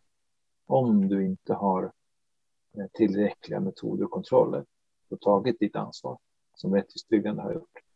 Det, det, det är de flesta överens om att vi gör så mycket vi bara kan. Så vi är inte drabbade. Och vi har väldigt bra konkreta exempel på det. Eh, 2018 gjorde vi en arbetsplatskontroll och hittade då ett, ett städföretag. Eh, som, det var två personer som eh, arbetade illegalt misstänkte vi det. Polisanmäldes. Vi fick det bekräftat först av Migrationsverket, sen polisanmäldes företaget. Eh, det var eh, en, en entreprenör till Skanska, Skanska som drev det projektet. Det här är offentliga uppgifter så jag kan nämna företagsnamn här. Eh, det var första gången då det här ansvaret som eh, utlänningslagen beskriver om beställarens ansvar det hade inte prövats rättsligt. Så den lagen är ganska ny, eller den, den delen av lagen. Eh, men då valde, eftersom vi har så, så bra underlag i våra arbetslivskontroller, vi vet vilket företag som jobbar åt vilket, vilka individer som var där, hur deras ID-kort såg ut och så vidare. Så det var väldigt bra underlag och då frågade då i det fallet eh, polisen om, om oss som de ville att vi skulle vara vittnen och begärde ut alla, allt det materialet och drev själv sen en rättsprocess där man åtalade det städföretaget men också Skanska som beställare av den där tjänsten. Och då för första gången prövades beställarens ansvar. Och den domen kom i somras. Eh, där det, det, var länge sedan det här hände, men pandemin kom i vägen, så den rättegången har blivit uppskjuten en omgång. Och då dömdes både företaget och Skanska till att betala sanktionsavgift. Och vilket det, den betydelsen för mig är att alla byggbolag är ansvariga för brott mot utlänningslagen som begås av deras underentreprenör. Ni kan förstå vilken magnitud vi har. Jag gjorde ett försök att räkna ut vilken ekonomisk skada det kan vara. Om man bara hypotetiskt eh, säger att man har eh, tusen projekt igång som ett jättestort byggbolag. Alla har de tusen har tio underentreprenörer. Det är 10 000 firmor. Alla de har tio anställda. Eh, det är 100 000 människor. Liksom. Och sen om man applicerar den statistik vi har, hur många av alla vi träffar på som arbetar illegalt, så är det ungefär mellan 2 och 4 procent. Eh, man kan räkna kanske på tre. Så kan man räkna ut då liksom vilken riskexponering man har som bolag. Och så multiplicerar man dem med den där sanktionsavgiften om man då skulle åka fast för alla de här brotten. Då blir det hundratals miljoner kronor faktiskt. Om man bara tänker pengar. Man kan också tänka varumärkespåverkan. Vill man jobba med företag som inte har koll på det här, som, som då är ansvarig för brottslighet, eh, kan de då utan en stomme också? Eller vad är, alltså, alltså det finns massa andra faktorer på det. Eh, jag försökte kommunicera det där lite grann. Det flög inte så mycket, men realiteten är så just nu. Det kan ju komma andra domar som ändrar på det, men just nu är det den senaste som vi känner till från i somras. Där, den, där då, eh, och den, den överklagades inte heller, så den har vunnit laga kraft. Att den här att Skanska är ansvarig för sina UE och de brott som begås avseende utlänningslagen. Skulle man som huvudentreprenör eller leverantör riskera att hamna i i, uh, i ett läge där man, om ens underentreprenör döms för brott mot utlänningslagen inom entreprenaden, så säga, skulle man riskera att hamna i det som kallas för allvarligt, nu ska vi se, allvarligt fel i yrkesutövningen. Mm, mm, mm. Skulle man riskera då att bli utesluten i kommande upphandlingar? Ja, alltså det var intressant. Jag har liksom inte...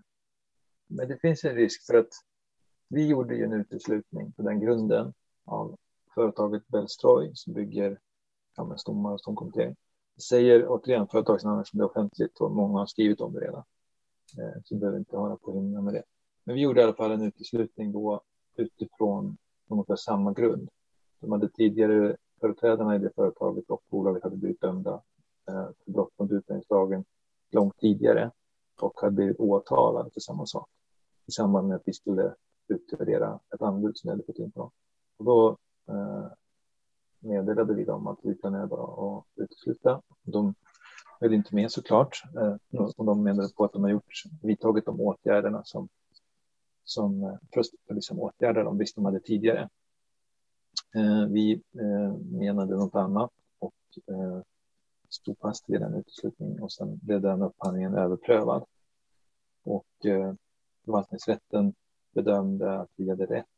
Sen överklagades det beslutet till kammarrätten och de eh, gjorde samma bedömning och eh, Högsta förvaltningsdomstolen gav inte prövningstillstånd. Så egentligen så, så var det liksom tre instanser som vi upplevde gav oss rätt i det. Och där, men då var det ju den anbudsgivaren som hade, men, eh, som hade lämnat anbud som också hade blivit dömd och, och blivit åtalad.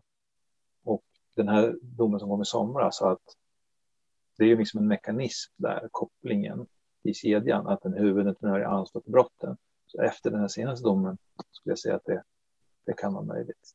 Men eh, det måste ju antagligen en rätt bedöma. Eh, domstol. Men eh, logiken låter ju som att jo, det, det är ett företag som är dömt för, för det eh, nu. Det... det finns lite andra initiativ i branschen. Jag tänker någonting som liknar rättvist byggande som begrepp är ju Fair Play Bygg. Vad är det? Fair Play Bygg, nu ska jag luta mig lite så här. Längst ner där ser ni ett P på en skylt bakom mig. Ser ni det? Grönt P där. Ja. Det är Fairplay Byggs logga.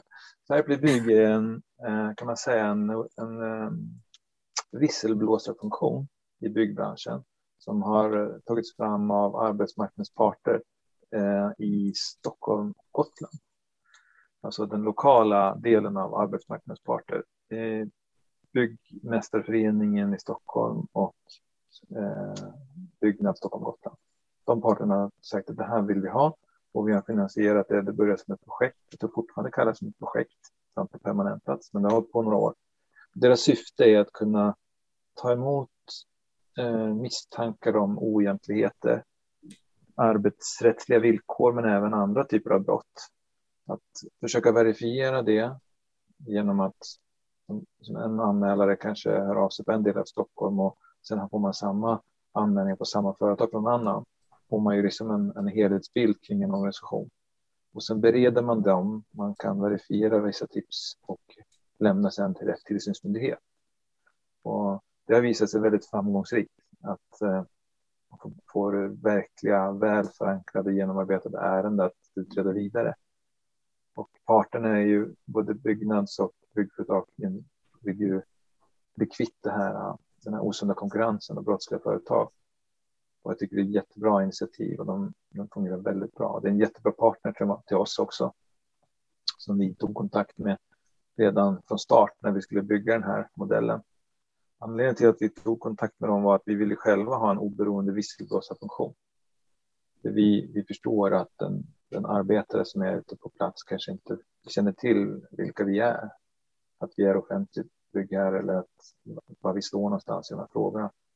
Så vi vill att man inte ska behöva lita på oss utan man ska ha en oberoende visselblåsarfunktion som man, som man kan vända sig till om man ser något dumt. Man behöver inte lita på att vi har rent mjöl i påsen såklart. Eh, och då fanns ju den redan. Vi verkar bara inom Stockholms kommun. De finns i Stockholm. Perfekt. Har en organisation som verkar funka. Det enda vi bad dem om det var att kunna hantera ärenden på många språk. Det, kunde, det hade de inte satt upp då. Och ni ser, ja, dit skulle, nu är det deras skylt där på på flera olika språk. Som vi sätter upp på alla våra byggarbetsplatser för att eh, tipsa om brottslighet som man ser. Så går det rätt det, det är ett jättefint samarbete och vi är jätteglada att de finns. Vi hoppas att de kommer finnas och växa och eh, utöka sin roll. Bra. Får ni mycket tips via dem? De, de, det som är fina på ett sätt är det att vi, de har en neutral roll. Så vi, de går inte till oss med tipsen. De går till rätt tillsynsmyndighet. Sen, så kan vi, sen har vi avstämningar med dem om mera generellt. Hur mycket tips får vi? Vilka kan vara relaterade till våra, våra byggen och så. Men det finns aldrig något, de utlämnar aldrig varken bolag eller personer. Sen så kan vi få systematiska tips. Nu, just nu är det väldigt mycket anmälningar från det här bygget på en där man kan själv kanske dra nytta av det eller lära sig av det. Eh, men eh, vi har ett jättebra samarbete när vi har våra olika roller. De kan också, precis innan vi kom igång så, så hade de också en återkoppling till oss utifrån tips. Ett av våra byggen i södra Stockholm, där hade kommit in flera tips om eh, otillåten inpassering på bygget. Så då kom ju de i, i sin roll så sa de att men ni är ju en offentlig byggare, vi tror att ni inte vill ha det här. Därför återkopplar vi till er också. Är det så att de bedömer att byggherren är medveten och medverkar till dem, brukar de, då brukar de inte informera byggherren utan då, är det bara en polisanmälan egentligen. Så, så det, det gjorde de då. Eh, så vi lärde känna varandra i början på olika sätt om man säger. Och det kunde vi hantera snabbt då eftersom då var vi redan igång med vårt arbete så det sammanföll i tiden att vi, vi hade redan börjat hitta bra verktyg. Du har pratat en del om arbetstillstånd. Vad, när behöver man arbetstillstånd som eh, entreprenör och eh, skiljer det någonting mellan EU-länder och andra länder? Mm. Ja, det, det här är en fråga som är otroligt komplicerad för, för eh, gemene man och även oss som bedriver byggverksamhet. Det enklaste svaret är att säga att om man, om man eh, anlitar företag och personer som är EU-medborgare så är det liksom fri rörlighet och det kräver inga tillstånd utöver det. Men oftast så ser det inte så enkelt ut. Att, eh, när man visar upp ett tillstånd så ser det ut som man, som man eh, kanske eh, arbetar i, kommer från Polen. Men egentligen har man ett uppehållstillstånd i Polen och själv kommer från ett, ett tredje land som det heter när man inte kommer från EU. Eh, och då börjar det bli lite svårt att bedöma de här tillstånden och handlingarna. Sen kan det också vara så att man, man, eh, man går under andra regler som, man, är, man är VABO, heter det, att man är varaktigt bosatt i ett EU-land och på det sättet kan man... VABO, sa du det? VABO, ja. Mm. Va, varaktigt bosatt. Och då gäller det andra regler där man får jobba eh, delvis då, eller en period. Då, beroende på hur länge man har varit bo, varaktigt bosatt. Så finns det så här regler om om man har en, alltså om man är gift med någon som, som varit bosatt i Sverige, får man då jobba inte så väldigt komplicerat. Så jag skulle aldrig kunna ge en tydlig instruktion till någon, utan vi är också beroende av att vara i kontakt i varje enskilt fall med, med, med Migrationsverket. Och de har å andra sidan bra vägledningar till företag som vill anlita utländska företag eller medborgare. Så regelverken måste man eh, ha koll på själv. Och det är en komplex bransch vi jobbar i. Det finns jättemycket regelverk som är komplext i byggbranschen. Det här är ett av dem. Eh, regelverken i sig är svårt att förenkla kanske. Så jag skulle kanske råda till att ta lite marginal. Om man inte vill begå brott så se till att inte ta de konstiga avarterna utan gör det du är säker på. Det är väl lättare. Liksom. Men istället för att tycka det är för svårt så jag struntar i det. Jag bryr mig inte. Då, då riskerar man ju att begå brott plötsligt. Mm. Så att, eh, försök vara lite, ha lite marginal. Där. Ja, till exempel anlitar man EU-medborgare eller företag från EU så är det väldigt säkert. Eh, och ska man anlita ett företag som är, är utanför då kan man ju be dem att redovisa på vilka grunder får, får jobba här. Vi är inte så bra på det här, men vi ni vet, vet ju säkert eftersom ni är här och jobbar. Alltså man kan ställa frågorna och be om hjälp och titta på Migrationsverkets handledning. Ja, ja tack. Och, och, det finns olika typer av, av, av bevis och, och eh, identitetshandlingar och tillstånd och sånt där som ser väldigt olika ut också. Så det kan ju också vara ett ytterligare skäl till att ha med sig eh, experter för arbetsplatskontrollen också som vet hur de här olika kombinationerna funkar eller vilka frågor man behöver ställa till Migrationsverk och eh, Skatteverk.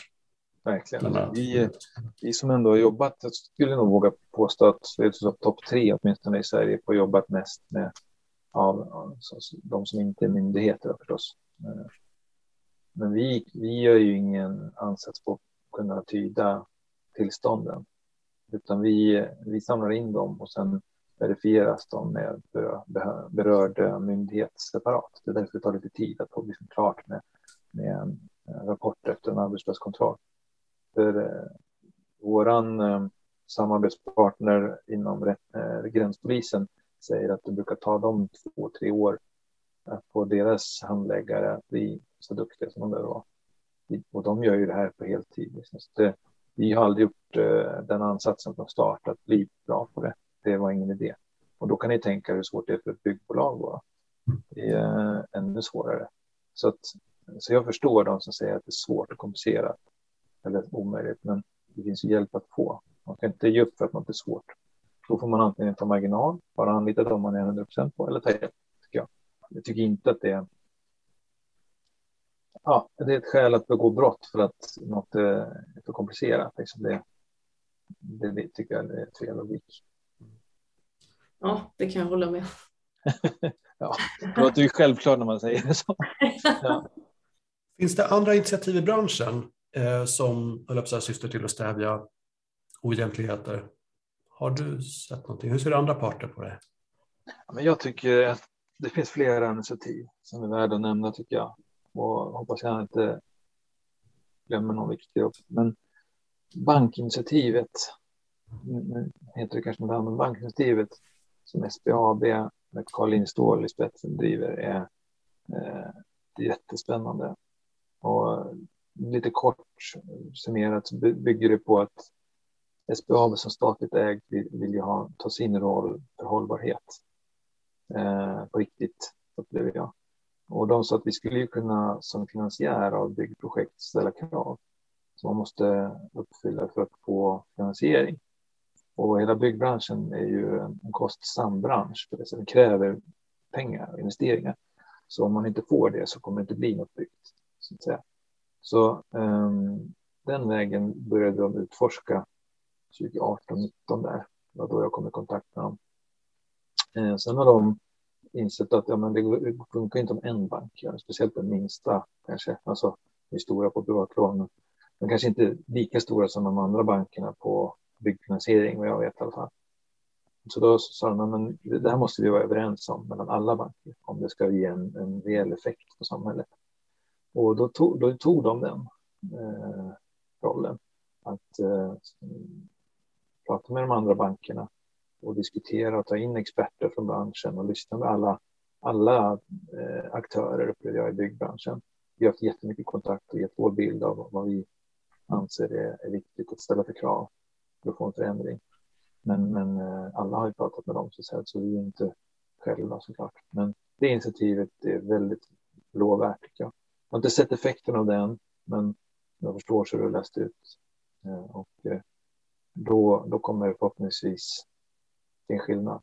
Men bankerna har ju sin roll i näringskedjan. De kommer inte kunna vara ute på ett bygge. Men de kan, de kan kräva att byggföretagen själva gör arbetsplatskontroller. Får kräva att se rapporter. Och eh, så får man ju se om de rapporterna är röda, vad händer då? Och så vidare. Blir man av med krediten då? Eller får man bara högre ränta? Men jag har förstått det ska man eh, bli liksom inte bra. Man ska inte kunna få krediter. De har en väldigt hög hög nivå och rätt ambitionsnivå för att vara bank. Liksom. Det, det, det, tycker jag är jätteintressant. Sen har vi ju såklart Byggmarknadskommissionen som är, Eh, det låter ju som en statlig företeelse när det heter kommission för mig, men det är det ju inte, utan det är ju ett, ett antal starka parter i branschen, byggentreprenörer och intresseorganisationer som, som driver det. Vi är inte med eh, själva, för vi hade kommit en bit på väg med rättvist byggande, eh, men vi är gärna en samtalspartner. Vi vill uppnå samma sak. Vi står bara på lite olika perspektiv ibland. Vi beställare och de utförare om man ska hårdra. Inte alla som är med i byggnadsorganisationen, alla är inte utförare. Men eh, i alla fall, det har ju varit en väldigt bra, de har mycket resurser som är väldigt bra eh, samling av väldigt kunniga driv, driv, drivkraftiga människor som skapar kunskap och rörelse i branschen från deras håll. Just nu, fram tills för några månader sedan, så var det ju fortfarande mycket utredningskaraktär på det. Och involvering av, av byggföretagens medlemmar och sådär att man ska få kännedom och förstå problematiken. Och det är såklart där allt börjar, en, en probleminsikt. Annars kommer man inte ändra sig om man inte tycker att man har problem. Så det är bra, men vi har sett väldigt lite liksom förändring ute på fältet. Eh, men eh, när byggnadsfunktionen här för, kommer inte ihåg exakt när det var, tiden men de polisanmälde ett ganska stort antal bolag. Då ändrades våran syn på byggmarknadsfunktionen, för då förstod vi att de menade allvar. Och det var väldigt skönt. För de är starka, har muskler, och kunskap som de har byggt upp nu i, i byggmarknadskommissionen. Och då, om man, vill, om man har den här viljan som jag sa tidigare, och det, det uppfattar vi i och med polisanmälningarna, man gick hela vägen. Det, så det är också lovvärt tycker jag, initiativ. Ehm, vi har uh, Sveriges allmännytta som har påbörjat med försöka hitta rätt i den här frågan. Sen finns det, Veidekke har ju hört väldigt mycket i, i media. Eh, det är ju Lennart Weiss där eh, som har uttalat sig mycket och, och, ganska dräpande. Som säger att 90 procent av alla utländska företag fuskar systematiskt. Ungefär i den stilen. Sen har Piav eh, försökt, vet jag, kommunicera en hel del om sitt eget interna arbete. Även specialistföretagen. Det har bildats bolag. Minst ett par som ska specialisera sig på arbetsplatskontroller. Så. Ingenting av det här fanns när vi började. Och det finns också eh, ett tydligare regeringsinitiativ som ska syfta till att mota arbetslivskriminalitet i flera branscher. Det, driver ju, det finns eldsjälar inom myndigheterna som driver det här outtröttligt decennium efter decennium som kräver massa, som, eller som förtjänar en massa heder tycker jag. Eh, och det är en att få vara i kontakt med dem och få, få samverka. Det är fantastiskt. De syns inte alltid, i andra i karriären. Men det, de gör ett jätte jobb. Ehm, så det rör sig framåt tycker jag, men eh, lite eller mycket för långsamt då, tycker jag. Ehm, men å andra sidan, om man tittar tillbaks till 2017 när vi stod så kände vi oss väldigt ensamma. Ehm, och vilken roll vi har i det där, det vet jag inte. Det påverkar inte så stor roll. Det viktigaste är att vi, vi tillsammans tar tag i ett samhällsproblem. Tycker jag. Finns det några initiativ som du känner att du saknar, som du skulle vilja att det händer någonting inom några områden? Nej, men, eh, ja, egentligen är det då så de som har störst verktygslåda, bäst verktygslåda för att hindra det här, det upplever jag är de största byggföretagen de som vi skriver kontrakt med. Och de, jag ser inget bra initiativ där. Och det är, ibland så pratas det om en del initiativ som fortfarande är på skrivbordet. Vi ser ingenting ute i våra projekt. Om vi har ett bra eller dåligt projekt beror inte på vilket varumärke det företaget jobbar under, om det är liksom NCC, Skanska, Pia, Veidekke. Utan det är projektorganisationen som kan eller inte kan de här frågorna. Och de kan bytas som hatt liksom rätt som det eh, Så vi ser ingen skillnad. Eh, det är ingen som är bättre än någon annan. Och det är synd för det finns en sak som kan ändra det, liksom det här väldigt snabbt och väldigt effektivt i min uppfattning. Det är att den som har kontrollen på inpasseringen på en inhägnad byggarbetsplats, den kan se till att det bara är rätt företag och personer där. Så enkelt är det. Vi som byggherrar har inte den kontrollen. Mm. Vi sa från första början när vi skissade på det här, satt och, och workshoppade och så, så var det direkt. Det är där vi ska lägga in stöten. Det är där vi ska ha kompetensen och vara väldigt noga. Då kommer inte någon vara där inne som ska vara där inne. Så kom vi på att ja, men vi har delegerat det där och det finns massa goda skäl till det. Så att ta tillbaka den är inte heller en lösning. Då får vi massa andra problem. Då ska vi vara ansvariga för arbetsmiljön och, och så där. Så vi har ändå valt att att ha det som vi har det delegerat. Men jag fattar inte varför man inte tar den. Det är det bästa verktyget. En lågt hängande. Ja, en lågt hängande punkt som skulle liksom lösa 90 procent. Och så klart att skalskyddet inte är massa hål i. Men det är så enkelt att uh, se till, delegera inte det till en liksom, spikpojke som gör sin första dag på bygget. Den kommer inte fixa när det är bråttom och det ska vara en håltagning. Liksom, och någon eh, måste in och göra det jobbet. Annars brinner pengarna. Liksom. Utan, eh, om vill man få bukt med det här problemet så se till att ha en inplaceringskontroll som funkar. När vi kommer och ska kolla vilka som är där på platsen, och det, då kommer det inte vara 40 procent som är okända för någon. Det kommer inte vara personer som saknar arbetstillstånd, för då är det fasiken den här inplaceringskontrollen fel. Vad, vad, gjorde du? Släppte du in? Förstår ni? Så det är väldigt mycket enklare än vad folk förespeglar sig. Um, de som har det verktyget i sin verktygslåda använder inte det verktyget. Det, så det saknar jag. Ehm, och istället för att skapa liksom kommissioner eller rättsbyggande eller regeringsuppdrag till myndigheter och så här, så ja, ut och lös problemet. Mm. Förlita sig inte bara på avtalet. Nej, precis. Och så tycker jag, på ett sätt är det ju, man kan, det kan låta hårt, men vi tjänstemän, vi har ju de verktyg vi har. Vi är bra på att prata, bilda projekt, söka ansöka om en budget, workshoppa och liksom, kanske komma i media och tala och påverka och lobba. Det är vi bra på, men det där, liksom, att få saker liksom funka till sista muttern, Viktigt. då behöver vi ju förstå vad, det är, vad skon klämmer fullt ut och göra en insats där. Där kanske vi inte har rådighet. Alltså, jag som inköpschef kan inte bestämma över ett byggprojekt. Det är inte mitt, mitt mandat. Men om ändå lösningen finns där, då kan jag inte fortsätta jobba med avtalskrav. Det löser inte problemet. Det är som den här analogin att man, man tappar nycklarna mitt i natten. Då står man och letar liksom under en, liksom en, en gatlykta. Letar och letar och hittar inte nycklarna. Och så kommer någon förbi och frågar, ja, men vad, vad letar Nycklarna? Jag tappar nycklarna. Ja, men eh, är de här någonstans i lyktan? Nej, nej, de är inte här. Varför letar du här? Men det är bara här jag kan se. Ja, det är ungefär samma tycker jag. Att, ja, men, om vi vet att de inte är där så spelar det ingen roll att jobba där. Vi får försöka liksom skaffa en ny lykta eller, eller hjälpas åt och, och, jobba där vi kan. Spara resurser också. Mm. Så, men det är min, mitt perspektiv. Det är säkert kanske grovt förenklat. Men jag tycker att där, där har vi en gyllene öppning som vi borde, borde prata mer om. Jag vet att du driver ett par andra initiativ också uh, som är kanske mer riktade till upphandlare. Ja. Det ena heter Svar och det andra heter Kapitel 13. Mm. Kan du bara jättekort berätta vad, vad handlar de om? Ja, um, SVAR står för Sveriges offentliga varningslista.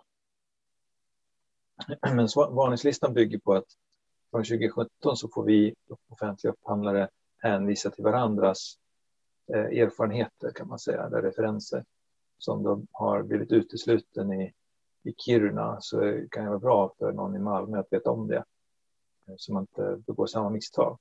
Och så kommer jag själv från privat sektor så jag tror att eh, som företagare när man ska lämna anbud till offentlig sektor så, eh, och, jag, och jag är oseriös och det funkar ja, det funkar inte i Kiruna igen, men jag har många andra städer jag kan försöka på.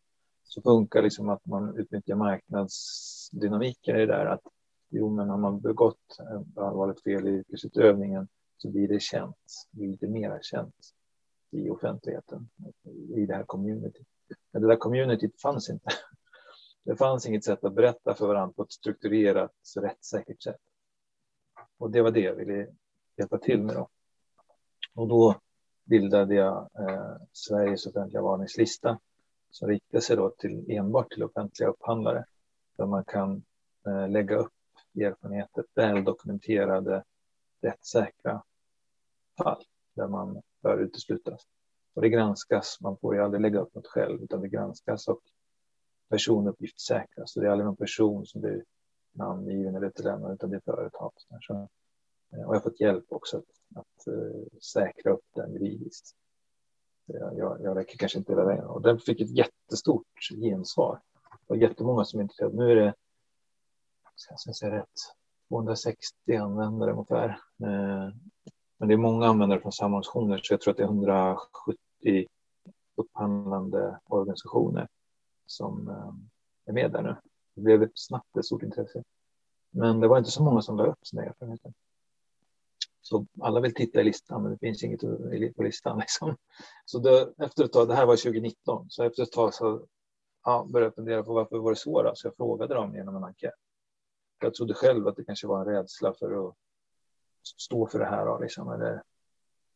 men, men eh, de flesta svarade att ja, men vi vet vilka de är, de här företagen, men vi har inte liksom, det här sista beviset som kliver över den juridiska tröskeln till att kalla det för uteslutningsgrund. För det är liksom det, det ska vara vattentätt. Eh, och det är ett ingripande. Liksom. Och då, då föddes den här idén till nästa tjänst i kapitel 13. Hur kan jag, hur kan jag få tag i det? Hur kan vi upphandlare eh, få reda på det vi behöver få reda på utan att göra fel? Och sen 2017, återigen då, så har vi liksom blivit hänvisade till en sanningsförsäkran Upphandlingsmyndigheten och polisen har begärt från regeringen att få, få liksom hjälp att lösa den här frågan. Men De har inte fått det ännu och det finns ett offentligt brev som man kan läsa om man vill eh, från, från de två myndigheterna tillsammans. Men de hänvisar då tills vidare så är alla upphandlare eh, hänvisade till en samhällsförsäkring. Och i praktiken innebär det att anbudsgivarna lovar att de inte bryter mot det som står i kapitel 13 i LOU. Där står det eh, tre huvudparagrafer. Det första handlar om brottslighet. Och har någon företrädare begått någon sån typ av brottslighet som står det är inte alla brott, det är bara ett litet urval som lagstiftaren har valt ut som är extra viktiga. Eh, har de begått något där, då ska man utesluta dem. Då måste vi utesluta dem. Så det innebär ju att alla upphandlare begår ju fel. Om, om det skulle råka vara så att man är dömd för någonting eh, och vi inte har uteslutit dem. Eh, och sen är det skattebrott och, och annan typ av skattefusk i paragraf 2 och tredje är mer som kopplat till en oförmåga eller ovilja att utföra tjänsterna på ett korrekt sätt. Ja, kan man säga. Sammanfattningsvis är det många punkter där, men om man eh, inte klarar av missförhållanden av olika slag. Eh, och då, får man, då är det frivilligt uteslutet. Det behöver inte vi, men vi får. Så då begår inte vi något fel om vi inte gör det, men, men vi vill ju inte å andra sidan ha in företag som inte klarar jobbet. Så det där, just det stör ju mig att, liksom att, det, att våra allmänna medel går till lycksökare som inte ens vill göra jobbet bra. Liksom. Det blir både dålig kvalitet i offentlig sektor och pengarna försvinner. Visst, det, jag gillar inte det, har aldrig gjort. Och så att kan jag göra något för att ändra på det så jag gör gärna det om jag kommer på något smart. Um, då var det här att ja, men, vi, vi får ju inte ha uppgifter om brottslighet hos oss. Vi ska inte samla på oss massa känslig information om människor eh, och sitta och arkivera det och i värsta fall blir det offentlig handling av det också. På det sättet. Det, och det är en fråga om personlig integritet och skydda den. Så, och 90 procent eller mer är väl liksom seriöst. Alltså, det vore dumt att samla in så mycket material utan grund. Det vi kan ha är ju om det, vi vet att den här företrädaren har begått ett brott. Då kan det vara ett bevismaterial som, en, som en, liksom ett underlag för en uteslutning. Då är det en annan sak att ha det. Så då tycker jag, men fasiken, hur svårt kan det vara om, om jag får ett organisationsnummer, det är det man har när man fått ett anbud. Det har vi. Sen låter jag en, eh, en, en IT-kunnig person bygga ett system som som letar upp vilka som är företrädare, vilka som är styrelse och vilka som är vd och verklig huvudman. Det är uppgifter som finns. Det behöver inte visas för upphandlaren, men, men systemet känner till vilka de är. Sen så kör man de uppgifterna i en rättsdatabas och ser är det någon av de här som har begått något brott senaste tre åren. Det säger LOU att det är. Vi får inte titta för långt bak.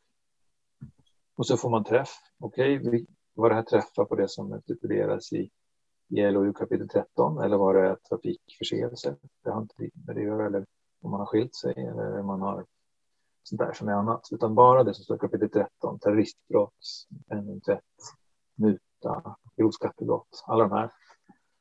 Och får man träff på det, ja, då, är det ju, då har vi plockat ur den här nålen i höstacken.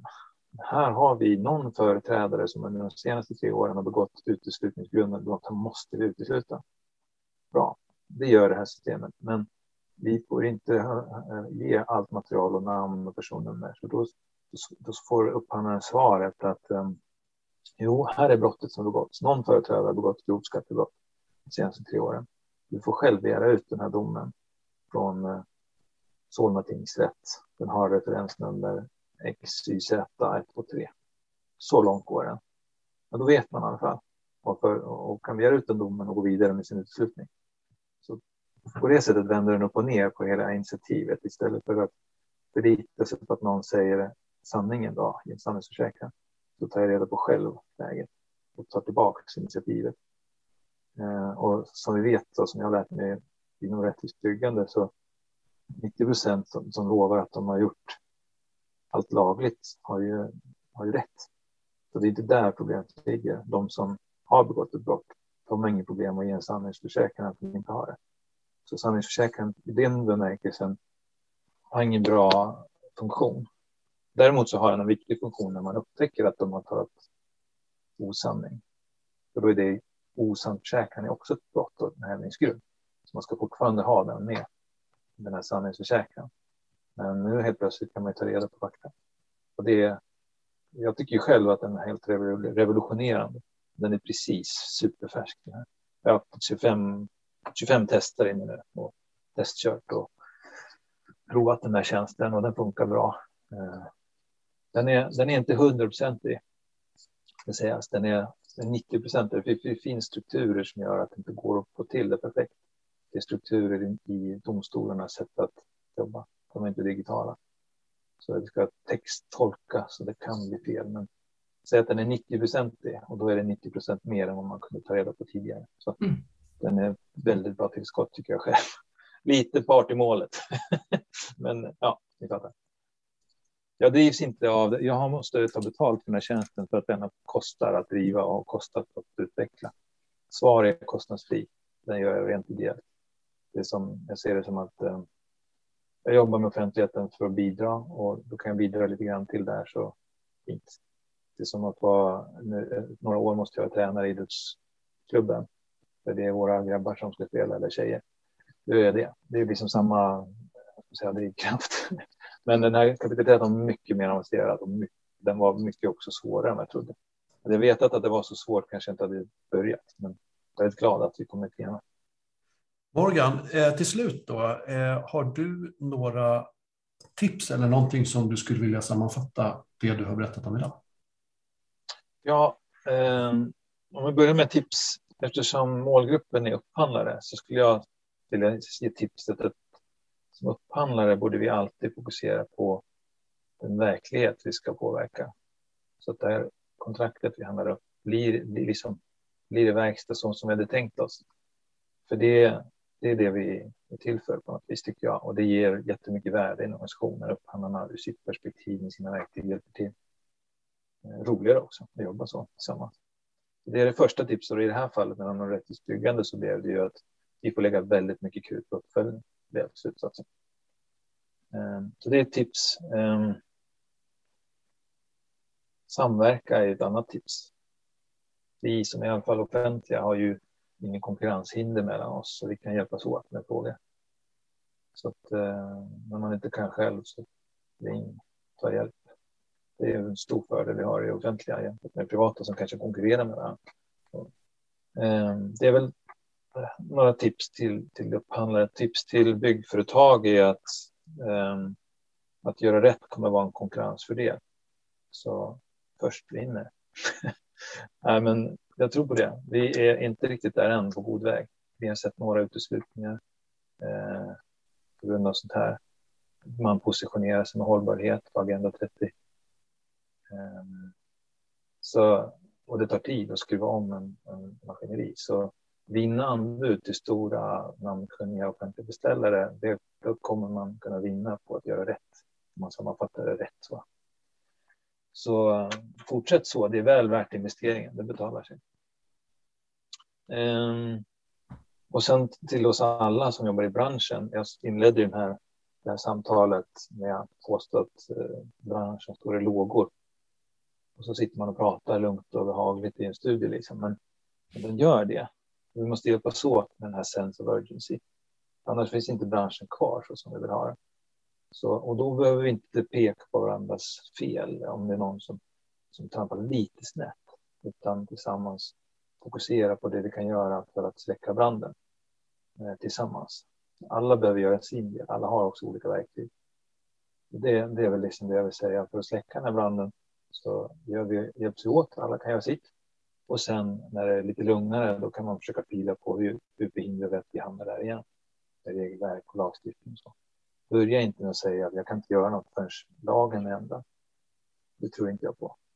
Ut och jobba tror jag är the way. Vem skulle du vilja höra i podden här framöver? Jag har en så lång lista egentligen, faktiskt. Uh, men uh, om det ska vara upphandlingsfokus så då blir det ju såklart lite snävare ändå. Men um, och är det offentlig upphandling så blir det ännu snävare. eh. Off eh, offentlig behöver inte vara nödvändigtvis, tänker jag, utan mm. Eh, framförallt upphandling. Mm. Ja, men då skulle man kanske på det här temat bjuda in några upphandlare hos byggbolagen då. privat. Så där jobbar man ju ofta med prekvalificeringstanke. Man har handlat upp ett, ett stort sätt av bolag som man kan använda sig av. Om de eh, missar att, att de här frågorna som vi tycker är viktiga, då är det en mismatch där. Det blir, det blir svårt. Så, så, det är ju privat oftast sektor som, som eh, det är klart att det inte finns en matchning exakt mellan offentlig och privat. Men det är intressant, för där ligger mycket i utmaningen. Sen så vill jag ju alltid att någon, jag vet inte om det är ett uppdrag till er, men intervjua en uh, utsatt person. Alltså någon person som blivit fullständigt exploaterad på bygget. Men det är inte kopplat till upphandling egentligen. Den där kom, till, kom nära verkligheten där det känns, och man förstår. Då, då blir det liksom mindre tjänstemannadiskussion, mer eh, sense of urgency. Men det, men det är liksom, jag tror inte ni, ni kanske ska göra det. här är en upphandlingspodd, men jag tror det behövs. Släppa fram rösterna. Ett tips till andra poddar. Det är ett tips till andra poddar, bra. Ja. Mm. Men vi har ju också, jag vet att vi, det finns några journalister som vi också har träffat under resans gång som har jobbat med just att intervjua och träffa de människorna som har farit illa eller som har utnyttjats grovt i branschen eller i andra branscher som vi skulle kunna prata med. Mm. Absolut. Ja, men vi har ju Johan Fyrk och Elinor Torp, det är två som har båda skrivit fantastiskt bra grävande journalistiska böcker. Sen vore det också intressant kanske att intervjua då förstås eh, branschens tongivande figurer, man säger byggherrarna som den ena, som representerar oss byggherrar, Tom Renberg, eh, och eh, branschens motsvarighet, byggföretagen. Där kanske Claes Thunblad eller kanske Stefan Attefall skulle kunna tänka ställa upp och se.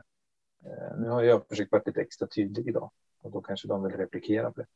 Det kan vara intressant. Tack, toppen. Mm. Tack för idag. Tusen tack. Tack för att du lyssnat. Finns det saker du skulle vilja höra mer om eller någon du kanske tycker att vi ska intervjua så hör av dig till oss på lyssna.upphandlingspodden.se. Ett särskilt varmt tack till Erik Stridell på Bybrick som komponerat Upphandlingspoddens jingel.